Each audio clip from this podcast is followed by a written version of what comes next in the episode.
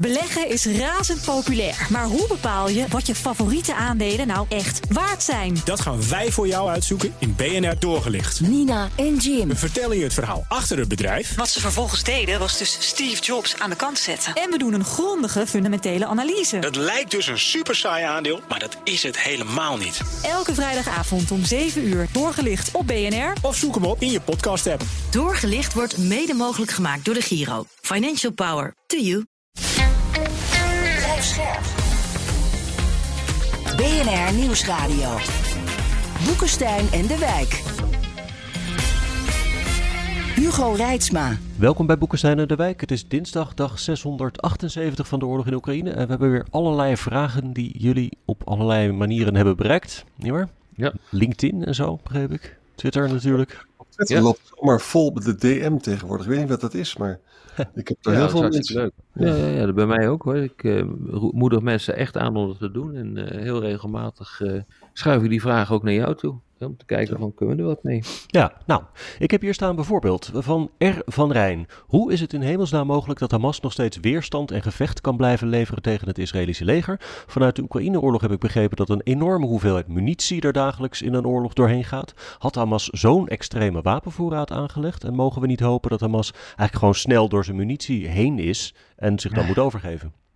Ja, Dit is een dat hele is echt een goede vraag. Om te beginnen is de schaal natuurlijk veel kleiner in, in de, in de Gazastrook dan, dan eh, Oekraïne. Oekraïne gaat Hmm. over waanzinnig veel granaten en zo. Hè? Ja, Het tweede is, het is een hele politiek interessante vraag. Want ja, het is natuurlijk wel zo dat eh 80% van Gaza krijgt natuurlijk geld van het Westen. Hè? En dat geld is kennelijk niet alleen maar gebruikt voor eh, prachtige bunkers voor Palestijnse burgers, maar ook voor dit soort munitiedingen. Dus het heeft ook een hele politieke kant. Ja, kennelijk hebben ze zoveel tunnels daar. Dat ze zelfs als Israël daar, dus opereert, dat ze nog steeds raketten kunnen schieten. Die overigens wel allemaal worden afgevangen. Hè, uit, de lucht ja. gehaald. Het Iron Dome. Maar ik denk dat dat het antwoord is. Wat denk jij Rob? Ja, kijk, de, de connectie met Iran, daarvan weten we dat dat enorm veel munitie en wapens heeft opgeleverd. Daarnaast eh, weten we ook dat er in eh, Gaza zelf eh, gewoon fabriekjes zijn die bijvoorbeeld die raketten produceren. Dus je kan, dat gebeurt gewoon. Die aanvoer die is er altijd al geweest en, die, ehm, en je kunt het lokaal kun je produceren. Eh, Je hebt helemaal gelijk als je het hebt over de schaalgrootte, maar dat is echt nog een heel erg belangrijk eh, punt wat eh, cruciaal is. In Oekraïne staan twee conventionele krijgsmachten tegenover elkaar. Een conventionele strijdkracht is een krijgsmacht die werkt met, met zwaar materieel, zware wapens, tanks, artillerie en dat soort zaken. En die schieten dan op elkaar. En dan moet dat uiteindelijk moet dat ontaarden in een soort manoeuvreoorlogsvoering, waarbij je door manoeuvre, bewegelijkheid, de tegenstander eh, kunt verslaan. Nou, dat is ontaard nu in een oorlog waarin de partijen tegenover elkaar staan en letterlijk eh, zichzelf hebben ingegraven. Met eh, al die, die mijnenvelden en die fortificaties. En dat is een heel ander, totaal ander type oorlogsvoering dan in de Gazastrook. Daar zie je dat een conventionele strijdkracht, eh, die van Israël, het gebied in is gegaan om daar te strijden tegen een strijdkracht die vooral guerrilla-operaties uitvoert. Probeert af en toe met grootschalige eenheden ook iets voor elkaar te krijgen. Maar daar zijn ze al lang mee opgehouden. Dus dit is een conventionele strijdkracht die tegenover een strijdkracht staat, een irreguliere strijdkracht staat die guerrilla-operaties uitvoert. Dat is echt een heel ander type oorlogsvoering. Hm. En eh, die is nog steeds heel gewelddadig, ongelooflijk bloedig. De Israëliën hebben geen andere keus, vinden ze zelf, ook om hun eigen mensen te sparen, dan de tegenstander te bombarderen. Want daarmee maak je de, de ruimte waarin zo'n guerrilla-oorlog eh, kan plaatsvinden, ja, die maak je gewoon eh, kleiner. En Hamas zelf hoeft eigenlijk tamelijk weinig munitie te hebben, relatief gezien, om toch die guerrilla-oorlog te kunnen voeren. Dus het heeft echt in belangrijke mate te maken met eh, de wijze waarop die oorlog eh, gevoerd wordt, waardoor Hamas het nog heel erg lang door kan gaan, eh, kan, eh, vol kan houden. En uiteindelijk weet je, als ze geen munitie meer hebben, dan doen ze het gewoon met messen. Hè, dus eh, dit is dit type oorlogvoering wat op die manier werkt. Ja. Rob, ik heb je een vraag aan je. Ik ben geen expert, hè? Ik kan me dus voorstellen dat als Hamas doet nog steeds raketten. Hè? Nou, dat, Ja. dat, ziet, dat zien natuurlijk die Israëlische satellieten ook allemaal en zo. Maar ze hebben natuurlijk zoveel... Nou, nee, nou ja, nou ja eh, het, het bouwen ervan niet. Dat doe je onder de grond. Ja, maar ik bedoel dus waar, waar het vandaan komt, kan je dus natuurlijk Ja, waarnemen. Hè? Maar vervolgens hebben ze zoveel schootsplekken dat ze dat kunnen doen. Alleen die raketten die doden geen eh, Israëlische burgers, omdat de Iron Dome ze eruit haalt. Dus waar, waar is Ja. Hamas nou eigenlijk mee bezig? Ja, angst zaaien. Dat is gewoon alles wat je, wat je doet. Je probeert gewoon angst eh, te zaaien. Het is ook heel, heel vergelijkbaar met wat, eh, wat Oekraïne op dit ogenblik in Rusland doet. En we hebben het eh, gisteren uitvoerig eh, gehad over hoe Belgorod wordt bestookt. Dat is eigenlijk in het grote wat hier in het klein gebeurt. En dus, dus angst zaaien, zorgen dat de, de tegenstander, in dit geval Netanyahu, ehm, kan worden afgeschilderd als iemand die geen eh, veiligheid kan, eh, kan zorgen voor zijn burgers. En daarmee eh, wordt zijn legitimiteit ehm, beperkt. Nou, en dat is nou precies wat ze, wat ze willen. Of dat allemaal lukt, dat is een tweede. Maar dat is ongeveer, denk ik, wat erachter zit. Maar Rob, even de gekheid, de waanzin van, van, van deze oorlog. Hè? Ja. Hamas slaagt er niet in om Israëlische burgers te doden. Kunnen we gewoon vaststellen, hè? afgelopen Ja. maanden. En tegelijkertijd, we weten ook uit rapporten dat Israël nog maar een beperkt aantal Hamas-leiders heeft uitgeschakeld. Ja. Dit is toch ook waanzin, dit? Wat hier aan de hand is.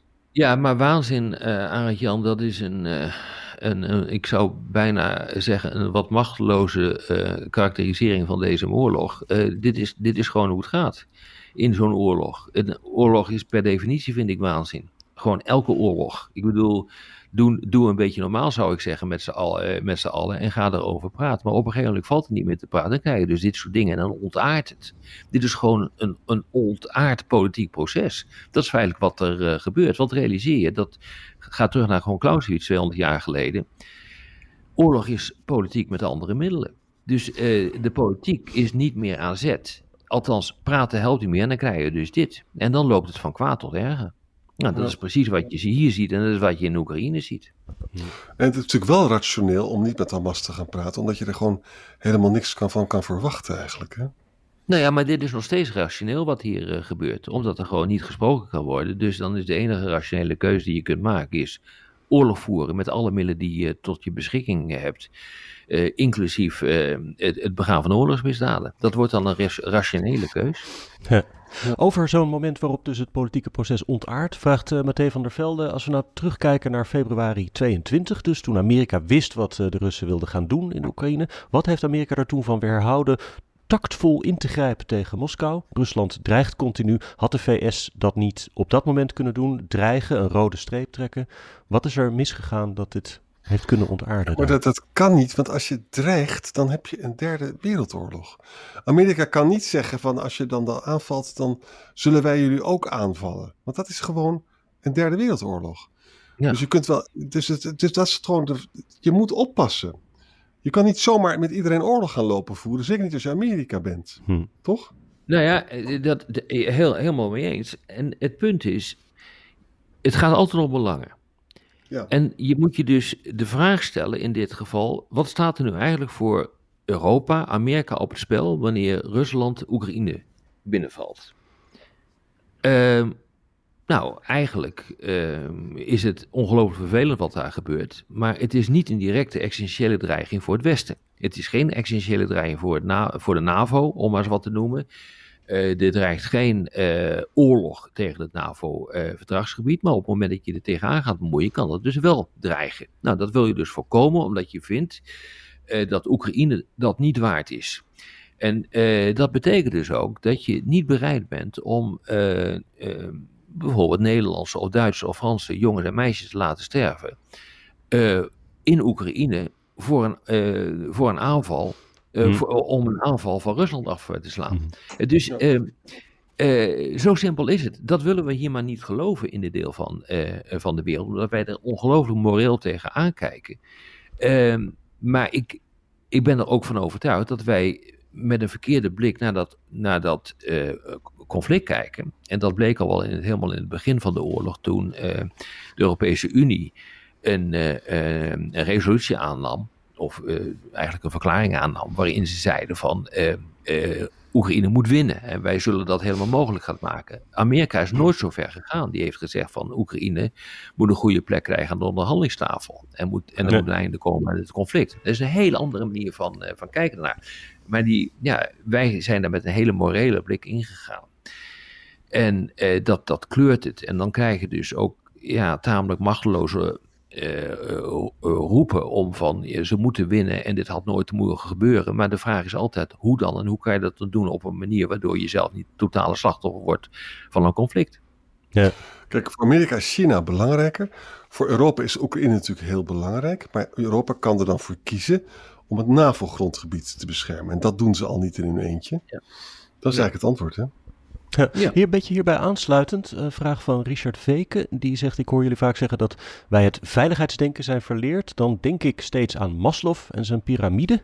Zijn wij in het Westen nu zo de stappen richting zelfrealisatie opgeklommen... dat we niet meer weten hoe we een stap terug moeten doen... en moeten het hebben over veiligheid, zekerheid of zelfs basisbehoeften? Kunnen we dat niet meer of is het een gevalletje oogkleppen of westerse decadentie? Nou, ik denk dat dat, zo is, dat laatste. Ja. Zullen we die piramide van Maslow even uitleggen? Ja. zijn dus uh, ja, een ordening van behoeftes. Hè? De vijf treden van de piramide. Bovenaan zijn de fysiologische basisbehoeften. Volgens mij zit eten, is ja, onderaan, drinken. Ja, dus, dus, dus onderaan de piramide. Ja. ja. Sorry, ja. En dan heb je de behoefte aan veiligheid en zekerheid. Die komt op de tweede plaats. Dan komt sociale acceptatie. Dat is al vrij luxueus, als je dat wil, dat je sociaal geaccepteerd wordt. Waardering en erkenning is helemaal uh, luxueus. En dan hebben we zelfontplooiing. Hè? Ja. ja, en de gedachte is inderdaad nu natuurlijk van dat wij kennelijk hebben wij ons losgezongen van het grote belang van uh, veiligheid. Hè? En dat, ja, heeft dat is ook zo. Echt, en dat heeft echt te maken met wat Heldering altijd zei van Nederlanders denken dat de wereld een groot Nederland is. Nederlanders denken, als je gewoon een goed glas wijn, dat zei overigens uh, Wiegel ook nog eens een keer jaren geleden. Je moet gewoon een goed glas wijn drinken met die mensen en dan kunnen we tot een vergelijk komen. Hm. Nou, als je dat zegt, heb je niets van de wereld begrepen. Want nee, wij hebben een hele morele blik. Nee, wij hebben een morele blik uh, op, uh, op de wereld. En uh, wij gaan dus uit van waarde en uh, wij gaan uit van samenwerking. En we denken dat als we samenwerken op basis van waarde, dat allemaal wel lukt. Nou, uh, op dit ogenblik blijkt dat dat hele idee gewoon aan alle, alle kanten gesloopt wordt. Zowel in Oekraïne als in het Midden-Oosten. en andere landen, niet-westerse landen, met name niet-Europese landen. En daar met name niet Europese landen in het westen van Europa, want daar zit het grote probleem. Uh, ja, die denken gewoon in termen van macht en belangen. En dat is een hele andere manier van redeneren. En wij begrijpen dat gewoon niet. Uh, en dus begrijpen wij ook niet uh, hoe we met zo'n conflict om moeten gaan. Wij stappen zo'n conflict in met een morele bril. bril. Hm. En wij, wij kijken naar zo'n conflict in, uh, in Oekraïne, maar eigenlijk ook in het Midden-Oosten, door een morele bril. En uh, gaan daar ook naartoe, ook militair gezien, met het idee van. En met de mindset van een vredesoperatie. En dat is het niet. Het is gewoon oorlog, waar het gaat om uh, belangen. Nou, dat is iets wat wij door, uh, doordat wij zo zijn opgeklommen in die, nou ja, daar is ook een hoop kritiek op hoor, uh, op die Maslow-pyramide. Maar we zitten aan de top. En we zijn aan het zelfontplooien. We denken dat welvaart en veiligheid iets is waar je eigenlijk niets meer over hoeft te doen. En we zijn vergeten dat dat feitelijk de basis is van alles. Ja. En we, hebben, we zitten nu in een situatie waarin dat een enorme reality check ondergaat. Kijk, het verschil is, wat zouden wij moeten doen, is de moraal. Wat zouden wij kunnen doen, dat is pragmatiek. Hè? Wat, welke middelen hebben we eigenlijk? Hm. Ja. En als je dat dus toepast op de Oekraïne, ja, dan blijkt dat je verdomd weinig middelen hebt. Ja, dat klopt. Ja. Ja, dus is echt, hier staan twee werelden tegenover elkaar. Hier staan twee compleet andere denkwerelden tegenover elkaar. En ik, dat is echt heel interessant wat hier uh, gebeurt. En wij gaan door deze conflicten, hoe we hier ook uitkomen, gaan we gewoon veranderen. Daar ben ik absoluut van overtuigd. En die vredesoperaties van de afgelopen decennia, die zijn een, echt een, in mijn optiek althans, een, uh, uh, de uitdrukking van die zelfontplooiing. Van dat hele idee dat het gaat om waarde. En dat is gewoon buiten Europa niet meer zo. En dat is eigenlijk nooit zo geweest. maar omdat wij zo machtig waren, konden we anderen onze waarden opleggen en konden we onszelf wijsmaken dat die waarden universeel waren en dat dus iedereen wel zou accepteren dat we daarmee alleen militaire operaties zouden kunnen gaan uitvoeren, die trouwens in de meeste gevallen tot niks geleid hebben. Dus hier zit echt een probleem in en dit heeft enorme consequenties uh, voor het Westen, wat hier nu gebeurt. En als in de verre toekomst de anderen rijken, rijker worden dan wij, dan zijn onze waarden ook minder sexy. exact, want ja, macht en waarde zijn, eh, dat zijn twee zijden van dezelfde medaille, Arend Jan. Ja. Hm. Ik pak nog even eentje van Martin mee. Die zegt: Jullie spreken bijna elke keer over afschrikking en over de noodzaak defensie om een verdere oorlog te vermijden, te hervormen. Afschrikking werkt alleen onder de voorwaarde dat er rationele beslissingen worden genomen. Hoe realistisch is het dat een hersterkte defensie in Europa of de NAVO, dat uh, Poetin of Xi of een Ayatollah of Kim Jong-un zich daardoor uh, laat weerhouden iets te doen? En welke van deze mannen lijkt het meest gevoelig voor enige vorm van militaire deterrence? Ja, mm. nou wat belangrijk is van uh, afschrikking veronderstelt inderdaad rationaliteit. Hè? Ja. Maar, maar, dan zeggen heel vaak zeggen mensen dan van ja, in Iran zijn ze niet rationeel, want daar zitten mensen aan de macht die geloven in de twaalfde imam die terugkomt, die zijn eschatologisch en zo, weet je wel. Ja. Maar dan hoor, lees je weer andere artikelen die zeggen van ja, maar de Iraners zijn ook wel heel, denken goed aan hun belang hoor.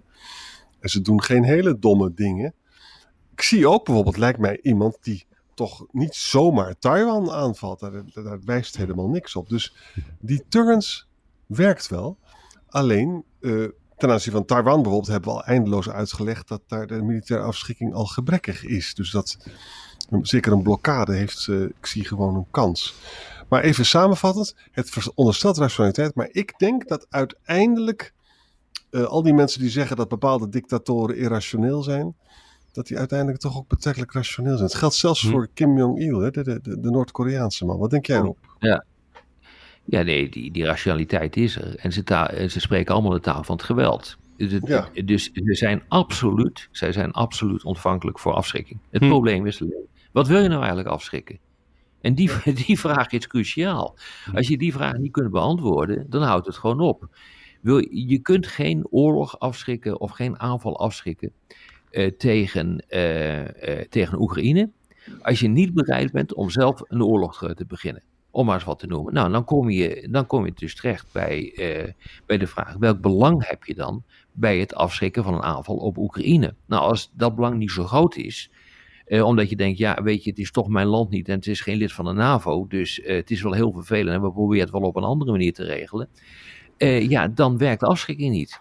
dus al dat gezeur over afschrikking die niet gewerkt heeft in het kader van Oekraïne, dat wist je van tevoren ook wel dat dat niet ging werken. Rob, Rob, zegt het heel belangrijk nu.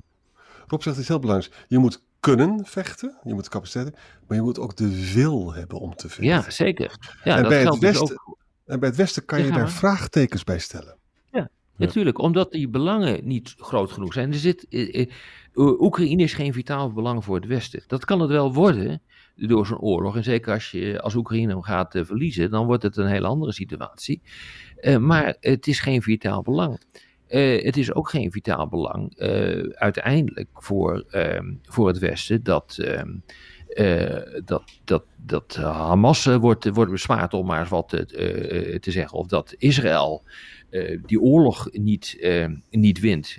kijk wat er gebeurt op dit ogenblik met, met Iran. daar, daar speelt afschrikking wel degelijk. Hè? De Amerikanen hebben een hebben oorlogsschepen gestationeerd, twee carrier battlegroups in, uh, de, in het oostelijke deel van de Middellandse Zee. En ook een nucleaire onderzeeër is er actief in, uh, in het gebied, zeg maar, nabij de Rode Zee. dus ehm, daar, daar wordt op dit ogenblik wel degelijk met afschrikking gewerkt om ervoor te zorgen dat Iran zich niet direct gaat, gaat mengen in die strijd. Hm. En het grote belang wat hier dan speelt, is niet in de eerste plaats Israël, maar het voorkomen van een complete chaos en een nieuwe oorlog in het, uh, in het Midden-Oosten, waardoor uh, de positie ook van Amerika totaal uh, um, ja, eigenlijk in het, in het, in, in het honderd gaat, gaat lopen. En je zou zelfs kunnen zeggen, er zit ook een Brits schip en een Frans schip, hè? maar die ja. Amerikaanse vliegtuigschepen zijn heel belangrijk om die regionale oorlog te voorkomen. En hier ja. kan je dus zien dat als Amerika isolationistisch wordt, wat voor shit wij terecht gaan komen in Europa. Nou ja, dan wordt het hele, uh, hele Midden-Oosten wordt totaal ontregeld. Dan heeft, hebben we grote problemen met betrekking tot de olievoorziening. Dan zullen veel mensen zeggen, well, ja, we moeten toch van de olie af. Nou mensen, dat duurt nog wel enkele decennia voordat hmm. we er echt vanaf uh, zijn. Dus dat is geen argument. Uh, maar dan krijg je dus een uh, totale machtsstrijd uh, in het, in het Midden-Oosten, waardoor je een complete explosie krijgt van die hele regio. Nou ja, dan, dan zijn je vitale belangen wel in het geding hoor. Ja. Hm. misschien in, een soort variatie op die vraag van Martin. Tegen wie heeft het Westen, hè, van wie die noemt Poetin, Xi, een Ayatollah of Noord-Korea, tegen wie heeft het Westen zijn afschrikking het minst op orde? Nee, dat kun je zo niet zeggen. We hebben de afspraking wel op orde. Alleen je hebt de bereidheid uh, nodig om te willen vechten. En je hebt de bereidheid dus, dus nodig om een daadwerkelijke oorlog te, te willen voeren. En wil je dat niet voeren, en dat hangt dus af van de belangen die op het spel staan, nogmaals. Uh, dan, uh, dan werkt afschrikking niet. Dus het hangt er net van af onder welke omstandigheden je dat uh, zou willen doen. Maar je kunt ja. niet zeggen dat afschrikking werkt altijd tegen die en die figuur goed of juist niet goed. Dat kun je zo niet zeggen. Het hangt echt van de omstandigheden af en wat, je, en wat je wil verdedigen. En misschien Rob, zou je dit kunnen zeggen van, ik ben bang dat het Westen ook, dus met name Europa, dus de wil om te vechten niet meer heeft. En dat is bij Poetin en bij Xi en bij de Ayatollahs en bij Noord-Korea waarschijnlijk beter geregeld. Simpel gezegd, wij zijn postmodern geworden. Wij zitten aan de, die, die top van die Maslow-pyramide. Ook al begrijp ik best wel dat dat wel een hele simpele en uh, kort door de bochtse vergelijking is. Uh, maar het, het komt redelijk in de buurt. En dat geldt niet voor landen als Rusland, uh, China, Iran. Niet dat die niet ontwikkeld zijn, integendeel. Maar die zit, dat zijn moderne, klassieke moderne staten. Uh, daar is veiligheid, militaire veiligheid. En, dat is, en militaire veiligheid is nodig om de territoriale integriteit te waarborgen of om bufferzones te, op te richten, om je eigen territoriale veiligheid te beschermen. Uh, dat is precies wat, uh, wat uh, Rusland doet in Oekraïne. Voor ons geldt dat niet. Voor ons gaat het, gaat het om waarde. En gaat het, als het om veiligheid gaat, gaat het om de veiligheid van groepen mensen. En daarom voeren we ook vredesoperaties uit overal in de wereld. Om mensen te beschermen die gemaltreteerd worden, die, die bedreigd worden door lokale potentaten. Dat willen we niet. Diezelfde waarde, die dragen we uit. Dat is echt een hele andere manier van denken. En nu zie je door de grote veranderingen die er zijn in de wereldorde, ja, dat, uh, dat onze idee van veiligheid, dat het eigenlijk op niks gebaseerd is. En dat het eigenlijk nog steeds gaat op zijn heel oude wets om de veiligheid van het gebied, bufferzones, belangen. Daar gaat het om. Eens. Dank jullie wel. Ja, tot morgen. Tot morgen. Beleggen is razend populair, maar hoe bepaal je wat je favoriete aandelen nou echt waard zijn? Dat gaan wij voor jou uitzoeken in BNR Doorgelicht. Nina en Jim. We vertellen je het verhaal achter het bedrijf. Wat ze vervolgens deden was dus Steve Jobs aan de kant zetten. En we doen een grondige fundamentele analyse. Het lijkt dus een super saai aandeel, maar dat is het helemaal niet. Elke vrijdagavond om 7 uur doorgelicht op BNR. Of zoek hem op in je podcast app. Doorgelicht wordt mede mogelijk gemaakt door de Giro. Financial Power to you.